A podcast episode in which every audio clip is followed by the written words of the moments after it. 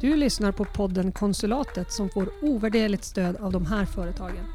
Handelsbanken, Kommunikationsbyrån Yours, Revisionsbyrån Advice, Hotell Savoy, Samhällsbyggaren BDX, Norrmedia och fastighetsbolaget Galären. Hej och välkomna ska ni vara till eh, podden Konsulatet. Eh, Vårt tänk- 26 avsnitt. Ja, alltså tiden går ju ohyggligt fort. Vet du, vi, snart firar vi ettårsjubileum. Ja, Mm. Vad ska vi göra då? jag tror nog att vi ska, vi ska hylla en av våra sponsorer. Den enda som, som serverar mat också. Vi måste väl spela in ett nytt avsnitt på Hotell Savoy va? Mm. Ja, men det tycker jag. Ja. Helt klart. Helt klart. Det är ju så att eh, vi har ju nu senast i fredags så har ju Malin skrivit och publicerat en krönika som har handlat om eh, det som är naturligtvis eh, en del av, av eh, händelseutvecklingen kopplat till Ukraina. Eh, och du har speciellt belyst det som har varit eh, den här vänskapsföreningen mellan Ryssland och Sverige. Vilket liv det Sputnik. blev Ja men otroligt. om din krönika. Mm. Och gud vad mycket reaktioner vi har fått. Mm. Den är inte bara läst utan den är också, den är också livligt kommenterad. Och vi har Mm. fått till oss både, både skriftliga synpunkter och ett och annat muntligt tillrop. Både bra saker som man tyckte och sådant man inte tyckte var fullt lika. Alla gillar inte dig Malin. Nej, det Eller vet det jag. du skriver. Nej, båda delarna faktiskt. Eh, och det är helt okej, man behöver inte göra det. Det är liksom det som är själva grunden i det hela. Att Men du, det, du skrev eh, alltså en krönika med rubriken Plötsligt tar alla på sig ryssmössan. ja. Eh, Först, vad, vad var tanken? Ja, men tanken var den att, att eh, ja, men jag kände någonstans att vi riskerar att eh, bli de vi nu just nu fördömer väldigt hårt, det vill säga Ryssland. Alltså vi, vi inte åsiktsregistrera, men, men vi, vi måste ha, man ska ha rätt åsikter för att få synas och publiceras i media. Och då frågar jag mig, vad är rätt åsikt och vem bedömer det? För att jag, jag läser jättemycket saker i tidningen som jag inte håller med om. Men det måste de ju det, det måste folk få, få stå för. Mm. Och det är inte kriminellt att vara dum. Så vi har fått till oss många synpunkter på eh, att bland annat Norrmedia som publicerade en artikel om den här föreningen Sputnik som tar parti för eh, Ja. Putin. In, inte föreningen i sig. Alltså det, är väl ingen, det är ingen officiell ståndpunkt från föreningen. Utan de har en ordförande som, eh, som sympatiserar med Rysslands president. Mm. Vill, alltså jag sympatiserar definitivt inte med, med Rysslands president. Men jag kan förstå intellektuellt varför hon gör det. Efter att ha liksom, levt under livsåldrar av, av förtryck. Ehm, och att hon sympatiserar med landets ledare är för mig inte särskilt konstigt. Jag tycker snarare det är väldigt eh, upplyftande och eh, modigt och oväntat att det är så många som inte gör det som, som protesterar i Ryssland. Men kritiken, har ju mycket, mycket, kritiken som vi har fått och som vi har hört eh, och som också är reaktioner på din krönika det är ju många tycker att den här typen av artiklar ska icke publiceras överhuvudtaget. Nej, och det tycker ju då uppenbarligen inte, det tycker uppenbarligen jag att de ska. Mm. Att, eh, jag jag ska inte bagatellisera ett krig genom att säga att det är en konflikt, men, men eh, det journalistiska uppdraget eh, ligger ju lite grann i att man belyser båda sidor. Ja, Eh. det, det ska man väl kanske säga också när, det- när det gäller den här. För det, det, är ju, det är ju ett eh, det är ju krigsbrott som sker i Ukraina nu. Ja, Eh, rakt av. Det, det finns inget försvar på något sätt eller vis kring det som, det som just nu händer i Ukraina. Och eh, här är väl en, en del av det några har tyckt till är ju att ja, man, informationskriget är också en form av krigföring och man vill inte eh, varför ge luft åt den sortens lögner som ju kommer ifrån den ryska propagandaapparaten. Allting från löften att de ska inte invadera Ukraina till att det skulle vara, ja, men som jag såg Putin eh, hade uttalat sig att det var, ja, men han beskyllde ju Ukraina för att ledas av narkomaner och eh, nynazister, vilket ju är helt barockt förstås. mm. Men, men kan, kan du förstå den, den sortens argument i att säga att, jag menar, att sprida den sortens lögner, då blir det också på något sätt fel att sprida det. Ja, men jag kan förstå den känslomässiga reaktionen på det. Absolut. Ehm, men men någonstans det journalistiska uppdraget och, och demokratins fanbärare måste ibland resa sig, eller måste alltid resa sig högre än känslor och affekt. Mm. Om ni förstår vad jag menar. Jag Efter andra världskriget fick ju Sver- har ju Sverige fått mycket kritik för att vi lät Hitler och hans anhang komma till tals för mycket i media. Och det, det menar ju de nu som kritiserar norrmedia för den här artikeln. Många av dem menar ju att det, är precis, det här är precis samma sak. Mm. Ja, Jag delar inte den uppfattningen, för jag, jag, jag blev ju jättearg när jag, när jag läste själva artikeln. Men jag tror inte... Du blev alltså- inte förbannad på norrmedia? Nej då, men, men jag, jag blir ju nej, men jag blir lätt upp, jag, jag blir ju upprörd över det som, det som är propaganda och det som är uppenbara lögner. Men jag tycker ju någonstans att här är ju den viktiga rollen, som är demokra den demokratiska rollen, det är ju att det måste finnas någon som är ansvarig, som, kan, eh, som inte står neutral mellan vad som är sant och vad som är falskt. Mm. Och jag upplever vad som har hänt efteråt, och det, det har jag ju också försökt delta med i, i debatten, det är ju att jo, men den debatt som uppkom kopplat kring Sputnik, kring, kring vad ordföranden tyckte med mera, är ju ett exempel på att ja, men när man tillåter den här debatten, då är det väldigt tydligt vad det är som är sant och vad det är som inte är sant. Mm. mm. Alltså i Finland har vi ju, ska vi säga det, eh, vi har ju ett sånt här aktuellt levande problem i Finland. Alltså efter, under tiden med Sovjetunionen och grannskapet sedermera med nuvarande Ryssland så har, man ju, har i Finland växt fram någonting som man kallar för finlandisering. Alltså att finsk press, att många finländare i gemen inte riktigt säger, eh, eh, pratar ur skägget när det gäller kritiken mot Ryssland därför man är rädd för grannen i öster och att det kan väcka ont blod. Alltså, I och för sig, det, det är väl... jag, jag, jag läste någonstans att eh, det, var, det var någon som, som försökte få det till att Sverige och Finland står i, i, i samma typ av, av position. Och Mm. att den finska motparten då svarade att nej, det finns 1300 skillnader. Mm. Och det är då symboliserat att det är 1300 kilometer landgräns Ja. mellan Finland och Ryssland. Där Sverige då har noll kilometer landgräns. Och det är klart att Mm. man, det är svårt att tänka sig in i hur ska man resonera när man, till skillnad från Sverige, vi är ju över 200 år sedan vi har fört krig och då fördes det kriget i huvudsakligen på finskt territorium även om det också sträckte sig in i norra Sverige och sista slaget var väl i Ratan. Men det är 200 år sedan. Finland har ju, där, där finns det ju fortfarande överlevare från det som var vinterkrigets fasor och fortsättningskrigets fasor. Så att, eh, det är klart att det, Mm. det kanske... Men, men jag skulle ändå vilja säga att um, fortsätt tyck till. Mm. Alltså det, är ju- jag menar, det är ju jättebra. Vi vill ju ha den här debatten. Ja, ja. Ja men tyck att jag är dum i huvudet, det är helt okej. Alltså det, jag, menar absolut. Det, alltså det är ju roligt. Mm, mm, ja, alltså man kan säga tyck, tyck gärna vad ni vill och sådär. Men ska ni uttrycka att Malin är dum i huvudet, gör det gärna med elegans. Ja okej, du tänker så. Ja, ja, jag är inte van vid det förstår du. Så att, eh, eh, straight on går ganska bra också. Nej men Ja. eh, skämt åsido, men, men att Ja. eh, det, är, eh, det är bra. Ska vi säga det också att ni får gärna kommentera på vår Facebook-sida, podden Konsulatet. Men ni som skriver sent på natten och är sådär rasande förbannade, använd ett schysst språk. Ja men visst. Sen, sen tänker jag att det, det kan vara läge att prata om någonting annat också. Därför att det som jag tycker och, jag tror vi alla tre tycker att Norrmedia gjorde rätt. Att, de, att publicera någonting som, som, som är åsikter som är felaktiga eller som går att beläggas. Eller, men det är någon som tycker dem. Mm. Det är okej att göra så länge vi, vi hanterar det med en ordentligt schysst ansvarig utgivare. Någon som på ett tydligt sätt eh, håller en, den publicistiska fanan högt. Mm. Rätt mycket av det, det vi ser exempel på om vi, om vi läser i sociala medier, det är, ju, det är ju sajter och annat som låtsas vara medier. Absolut. Där det är uppenbart att, att här, finns, här finns det ingen annan åsikt än att be, bedriva propaganda eller att vinkla saker så att den passar den egna saken.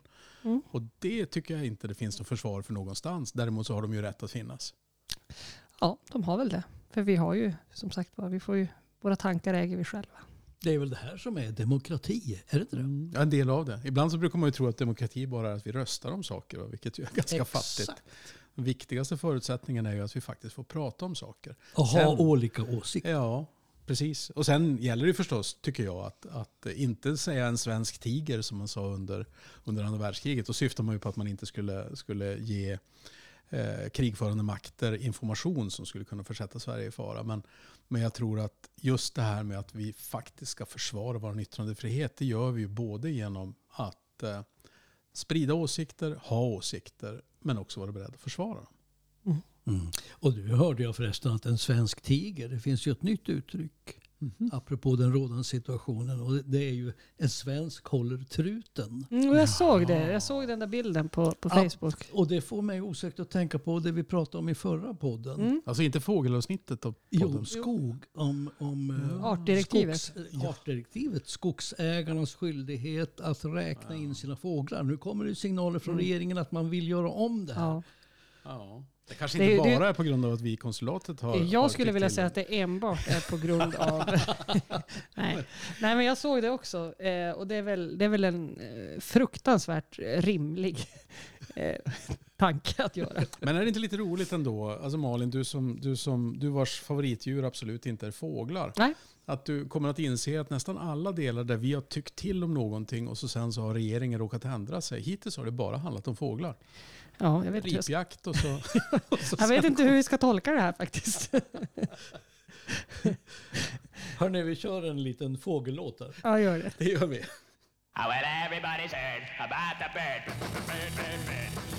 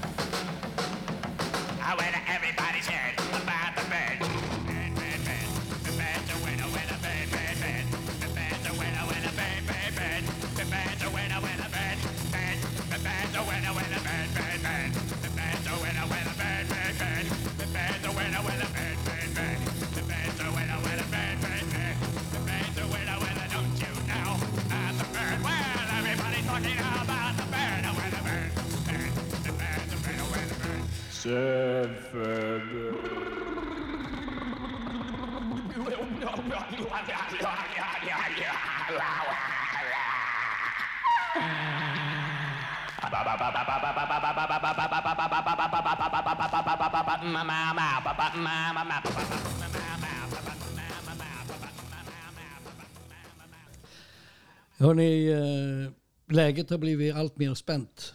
Eh, efter Rysslands invasion här av Ukraina. Eh, och man märker också att väldigt mycket folk börjar bli lite oroliga till mans. Och det här med NATO-opinionen svänger. Allt fler svenskar vill, precis som allt fler finnar, gå med i NATO. Och det är ett uttryck för det naturligtvis. Har vi här på Nordkalotten, har vi anledning att känna oss mer oroliga än andra svenskar? Tycker ni det? Ja och nej. Äh, Alltså, Jag vet faktiskt inte. Eh, vi har ju en hel del viktiga grejer här uppe Mm. som borde kanske kunna vara potentiella eh, krigsmål. Men eh, ja, jag tycker det är jättesvårt. Jag tycker hela, hela den här eh, situationen tycker jag är jätte...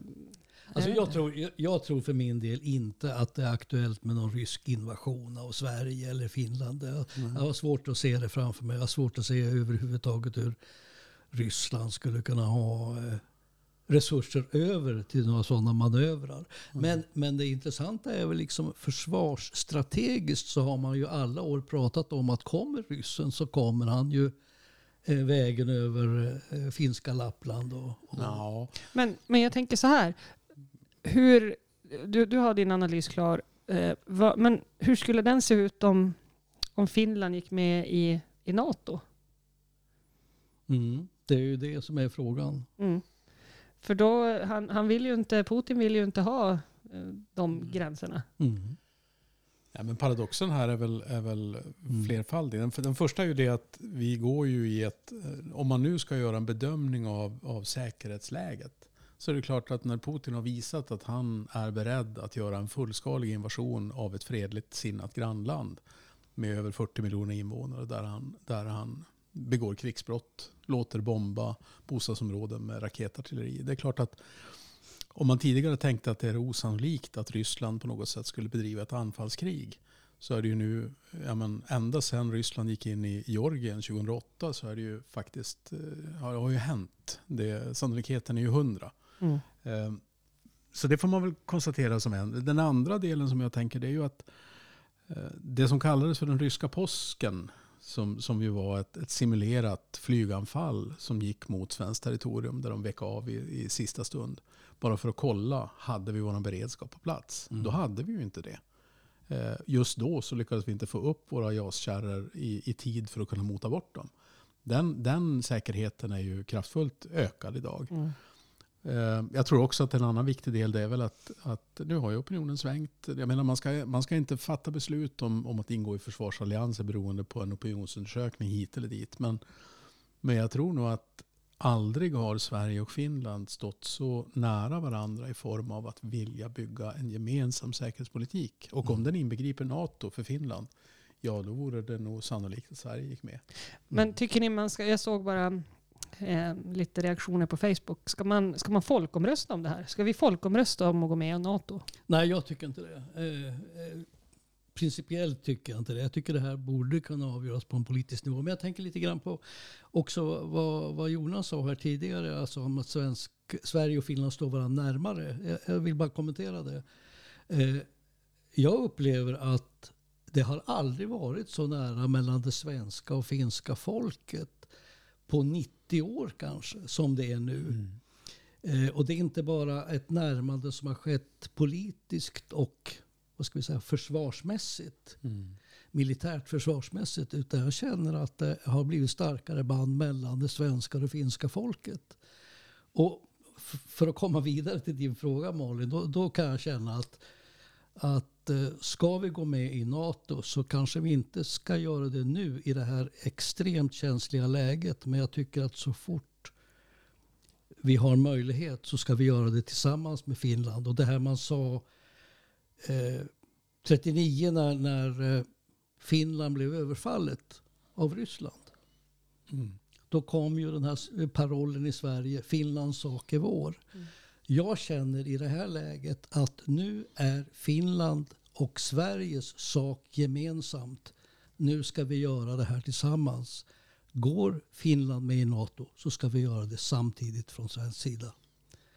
Kommenterades det inte ibland? Och det är ju, jag skulle vilja säga så här.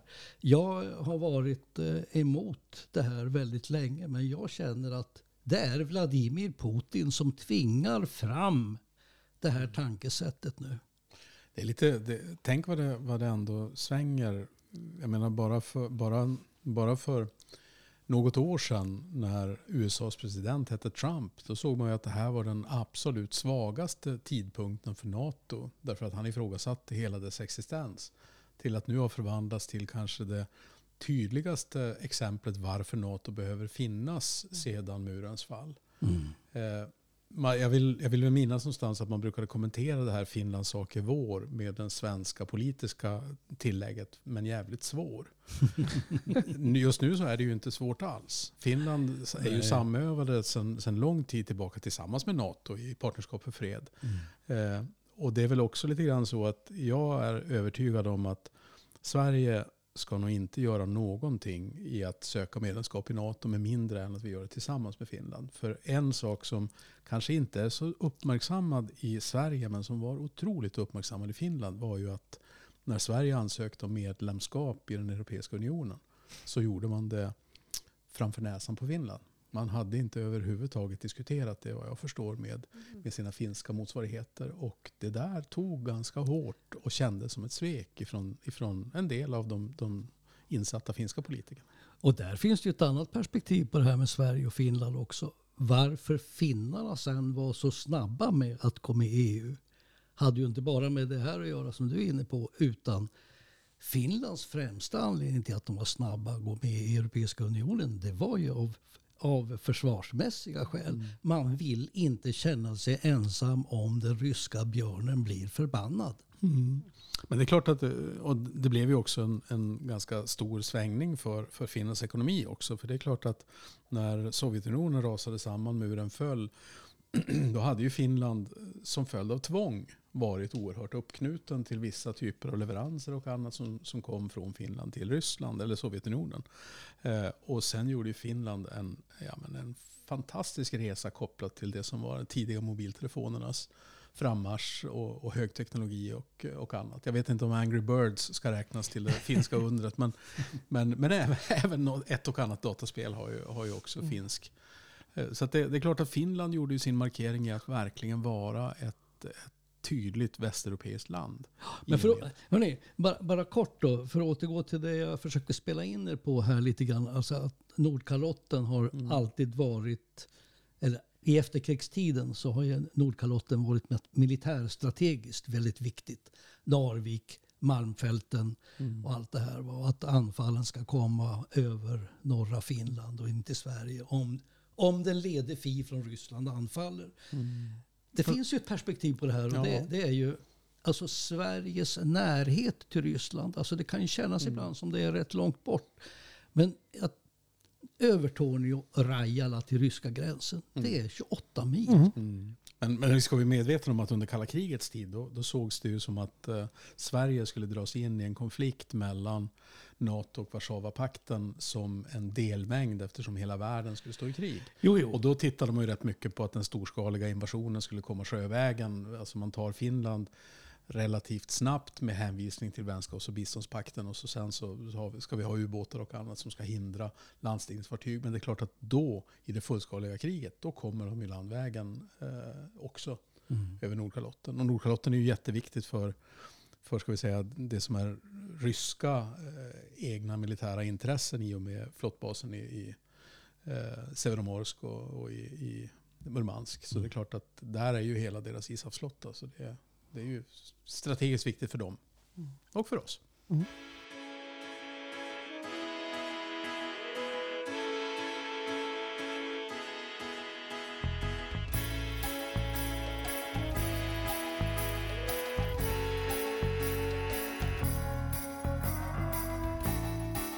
Taas pelihalli palaa ja flipperilanteilla halaan. Silloin näen uskovaisen, taivaassa tehdyn naisen. Hei enkeli, pirun kaunis nainen. Vislaat Sä Jumalilta napat hoidat. Hei sulla on lapsen kroppa. Sun siives on hymykuoppa. Hei enkeli, pirun kaunis nainen.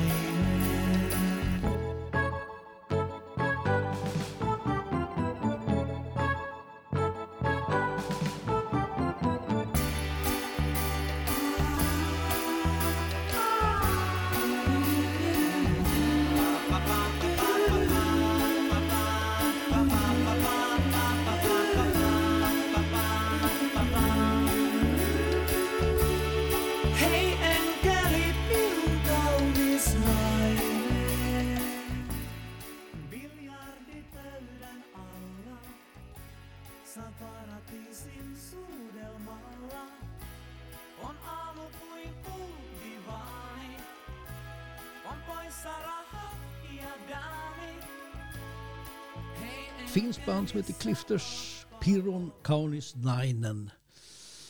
Alltså är, det inte, är det inte för roligt när, när man gör finska covers på, på, på låtar? Och vare sig man gör humpa av, av hårdrocklåtar eller som här då när man har gjort en fantastiskt fin Ja. Cover. Snyggt jättefint. ja. Hörrni, en gammal goding i alla fall. Eh, Ja, Malin, vad tycker du om bränsle, bränslepriserna här Malin? Ja, ja, vad tycker Malin om Från det? det ena till det andra. Ja, från det ena till det andra. Nej, men det är ju såklart alltså fruktansvärt som det ser ut nu. Eh, Hur dyr kan soppan bli? hur långt är ett snöre? Mm. Eh, Det är mitt svar på det. Mm. det jag, jag- jag ser inget jag ser inget bortre faktiskt. Mm. Jag menar, Eh, vi, pratar, vi pratar nu runt 30 kronor eh, och sen kanske vi pratar om 35 kronor och sen kanske vi pratar om 37 kronor och nu är jag menar, går det här riktigt illa kan ju soppan kosta 90 kronor litern. Mm, ja, men det finns väl någon, någon sorts... Ja, det, jag, jag ska inte spekulera om det finns någon sorts gräns, för den har vi inte sett hittills. Vi kan väl konstatera att råoljepriserna, när, när vi tittade lite tidigare i veckan, de har ju nått nivåer som de inte har haft på bra många år. De har ju stundtals varit, alltså effekterna av det som är kriget i Ukraina, men också det som är inhemska åtgärder, är ju kraftfulla. Men vi har ju haft eh, råoljepriser som har legat på den här nivån Mm. eh, för ett antal år sedan och eh, då hade vi ändå ett drivmedelspris som låg runt 15 kronor. Mm. Mm. Men det är, det är väl reflektioner då av att man å ena sidan har höjt skatterna och så sen denna reduktionsplikt då som har gjort att Mm. man Så är det. blandar in dyrare Ehm, bränsle. Precis. Och jag eh, anser ju att eh, man bör eh, verkligen göra någonting nu. Och det av den enkla, inte, för, inte av om man säger affärsvinst eh, anledningar för, för svenska åkerier, för den, den affärsvinsten är, är ganska liten. Men, men däremot för de samhällsbärande funktioner som eh, transportnäringen utför. Och då pratar jag inte bara om eh, om man säger åkerier, utan jag pratar om vägtra- alltså transporter överhuvudtaget, persontransporter. Tänk på taxier.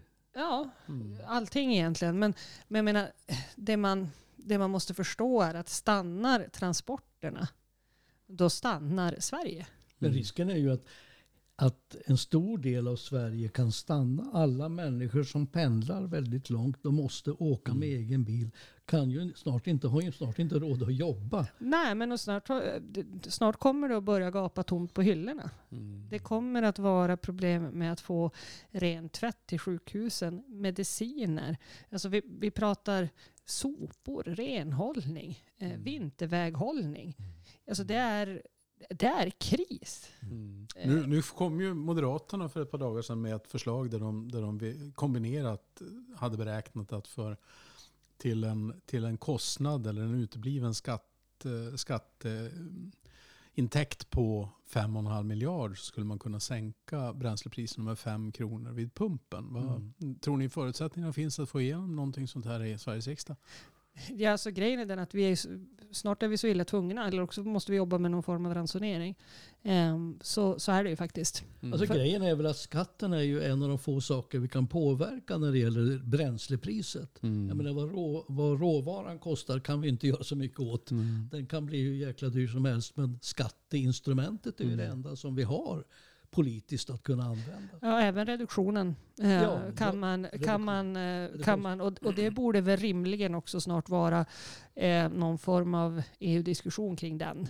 Eh, eftersom att det här är, även om EU, EU priserna i de andra EU-länderna är ju långt ifrån de vi har i Sverige, men, men de är fortfarande ökande för, för den de som bor i de länderna. Men, men det är precis som du säger Bernt, skatten kan vi styra över själva och reduktionen till viss del. Jag hade sett att man, ehm, att man pausar reduktionen tillfälligt.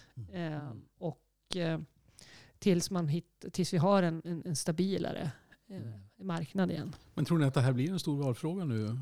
Valet kommer ju allt närmare och i tredje söndagen i september så då är bränslepriserna någonting som, som kommer att dominera svensk Ja, debatt? definitivt. Om det fortfarande är höga bränslepriser i september. Det är jag helt säker på. Men vad är höga bränslepriser? Vänjer vi oss? Jag menar, jag står och tankar och så. Jag hade alltså en, av, en av mina släktingar, han, han körde en jättestor amerikanare och så var det någon som frågade honom, så, men drar den inte mycket bränsle? Så där, Nej, men jag tankar bara för 200. Så, det. Mm.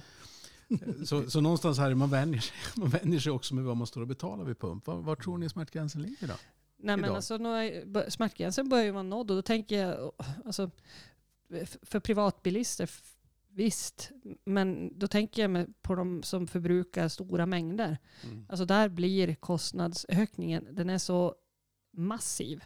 Mm. Så att det är som sagt vad det riskerar att slå ut samhället. Men menar, om du bor i, låt mig säga, Vitån och jobbar i Luleå och åker varje dag in till jobbet fram och tillbaka. Du kanske har, har sådana arbetstider också så att du inte kan åka buss. Mm.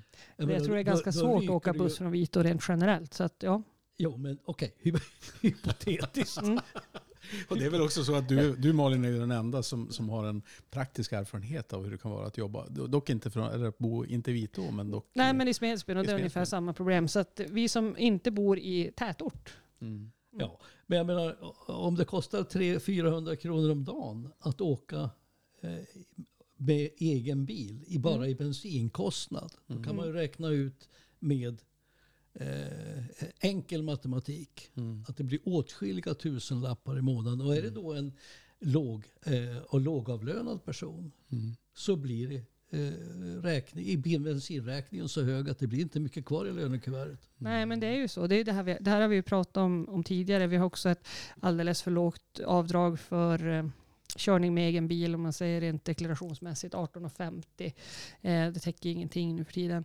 Sen har vi också det som, som eh, jag kallar för att det blir ett, det blir ett alltså klassproblem. Alltså vi, vi får personer som, som har lägre inkomst, har inte råd att köra sina barn till eh, träning, till kompisar. Eh, det, det, det har sådana stora effekter och det, det har jag pekat på tidigare. Vi har ju ännu inte sett vad, vad regeringen tänker, men, men en bekymrad Mikael Damberg sa ju för ett par dagar sedan att, eh, han, eh, att regeringen skulle titta på det här. Men då verkar det mera som att man var ute på det som handlar om reseavdragssidan Mm. eller kompensation för, för resor i, i, som behöver göras. Men det är klart att, att eh, det är ju inte nöjeskörning för en familj att skjutsa till, till idrott. Det är ju Nej. en förutsättning för att man ska kunna vara en del i, i ett, ett levande samhälle om, om man har barn. Och, Ja, lite så är det ju faktiskt. Och, och också att man kanske också väljer att bo utanför stadsgränsen. Men, men det är ju snart inte möjligt, tyvärr. Så att, nej, nej, jag är lite... eh, Det, det här- är lite moll här alltså. Ja men alltså faktiskt, det ja. känns inte alls särskilt roligt och det, det är inte utifrån att jag eh, är en stor förbrukare av drivmedel i mitt företag utan det är faktiskt rent alltid som glesbygdsmänniska. Eh, Mm. För att det, det, det tar på oss. Mm. Eh, ja men eh, Alltså, vi, nu, vi sjönk, nu, sjönk, nu sjönk tempot Ja men här. okej, alltså. Det men då en- höjer vi den igen. Ja, precis. Alltså hur går det på Mello? Mello. ja, precis. Vi, vi, vi går ju nu mot finalen, Ja, Jonas det. och Bernt. Ja, Ja, jo, ni hade andra chansen i helgen. Ja. Ja. Såg ni den? Ja, nej. Jo, och eh, jag har ju en favorit. Ja. Eh, Och jag måste säga, det är, Är det enda, barnens favorit också? Det Eller? vet jag inte, men jag, jag tror att det är den enda låt jag skulle kunna tänka mig att rösta på. Och det är den här Cassiopeia, heter de så? Ja, Casio Peja. Okej. Ja. Bra låt tycker jag. Mm. Ja, vad säger Malin om det? Eh, Vinstchans? eh, alltså, mm, jag har ju då en, en melloexpert, en åtta och ett halvt åring. Och hon, hon slår ju ett slag för Anders Bagge. Just det. Mm. Mm. Eh, om man tittar rent, om man ska vara eh, krass och titta ur vad som skulle gå hem ute i Europa så då är det väl Cornelia Jacobs som kanske ligger bäst till. Men eh, jag tror att svenska folket kommer att rösta fram Anders Bagge av ren kärlek till den där jättestora sjöbjörnen. Ja, det ligger nog någonting i det. Ja, men med det kanske vi ska, ska ge oss på att förbereda och ladda nu inför det som är Mello-final. Ska vi ladda med hamburgare? Jag tänker det någonstans. Och då, då har vi ju väldigt mycket val ifrån Luleå. Eller vad säger Bernt som är vår särskilda Ja, men det är hamburgerspanare? otroligt. Det ska komma ännu ett hamburgerföretag till Luleå som heter Four Grabs. Men, men det är ingen riktig restaurang, va? eller? Ja, det är Eller något, vad är något spökkök. Ett spökkök. Men eh, hamburgare lik förbannat eh, som ska ligga i nivå med Boston Burgers. Jaha. Och så har vi ju Max hamburgare. Mm. Och från Luleå kommer Frasses hamburgare. Alltså vad, är... Alltså, Och korvgubben, Ja. Korvgubben kommer Och järnvägsgrillen. järnvägsgrillen precis, och vi har den- den har Sibylla. inte- Alltså just Ivergrillen har väl, har väl inte gått på export utanför tror inte kommungränsen? det. Nej. Inte utanför järnvägsgrillen. Inte Nej. utanför, nej, precis. Men vad föredrar ni då? Mm, ja, alltså det, det är lite grann som, jag menar allt. Alltså det beror ju på vilken, vilken, eh, vilken Ja men till Mello nu då? till Mello. Nej men då tror jag nog att, eh, ja skulle jag få välja så skulle det vara Boston Burgers. Bernt? Jag tror jag åker på järnvägsgrillen. Ett givemål. ja, jag tror det. Klassiker. Klassiker. Ja. Malin då? Malin, vad tycker du? Ehm, Du kan åka till Skellefteå från Karlskrove. Nej, nej men alltså jag, jag slår ett slag för korvgubben. Åh, oh, korvgubben. Korvgubben, ja absolut. Pratade med en av, av grundarna för, till Korvgubben för oerhört länge sedan och, och frågade om inte han var orolig för konkurrensen från bensinmackarna kopplat till, ja, där köper man korv. Och hans svar kommer jag fortfarande ihåg för han sa att nej men han går ju och proväter där då lite till och från för att kolla konkurrensen. Och han säger att när jag första gången kommer att bränna mig på en bensinmackskorv då kommer jag bli rädd. Hörni, vi stannar där. Vi stannar. Tack för idag hörni. Och ni, ni kommer ju att höra, eh, ni hör, har ju redan hört oss där ni föredrar att höra på poddar. Ni kan också läsa våra krönikor som kommer varje, Fredag. varje fredag. Och varannan vecka så kommer ju vi igen. Det vill säga om två veckor. Precis. Vi hörs. Hej då. Hej då. Hej.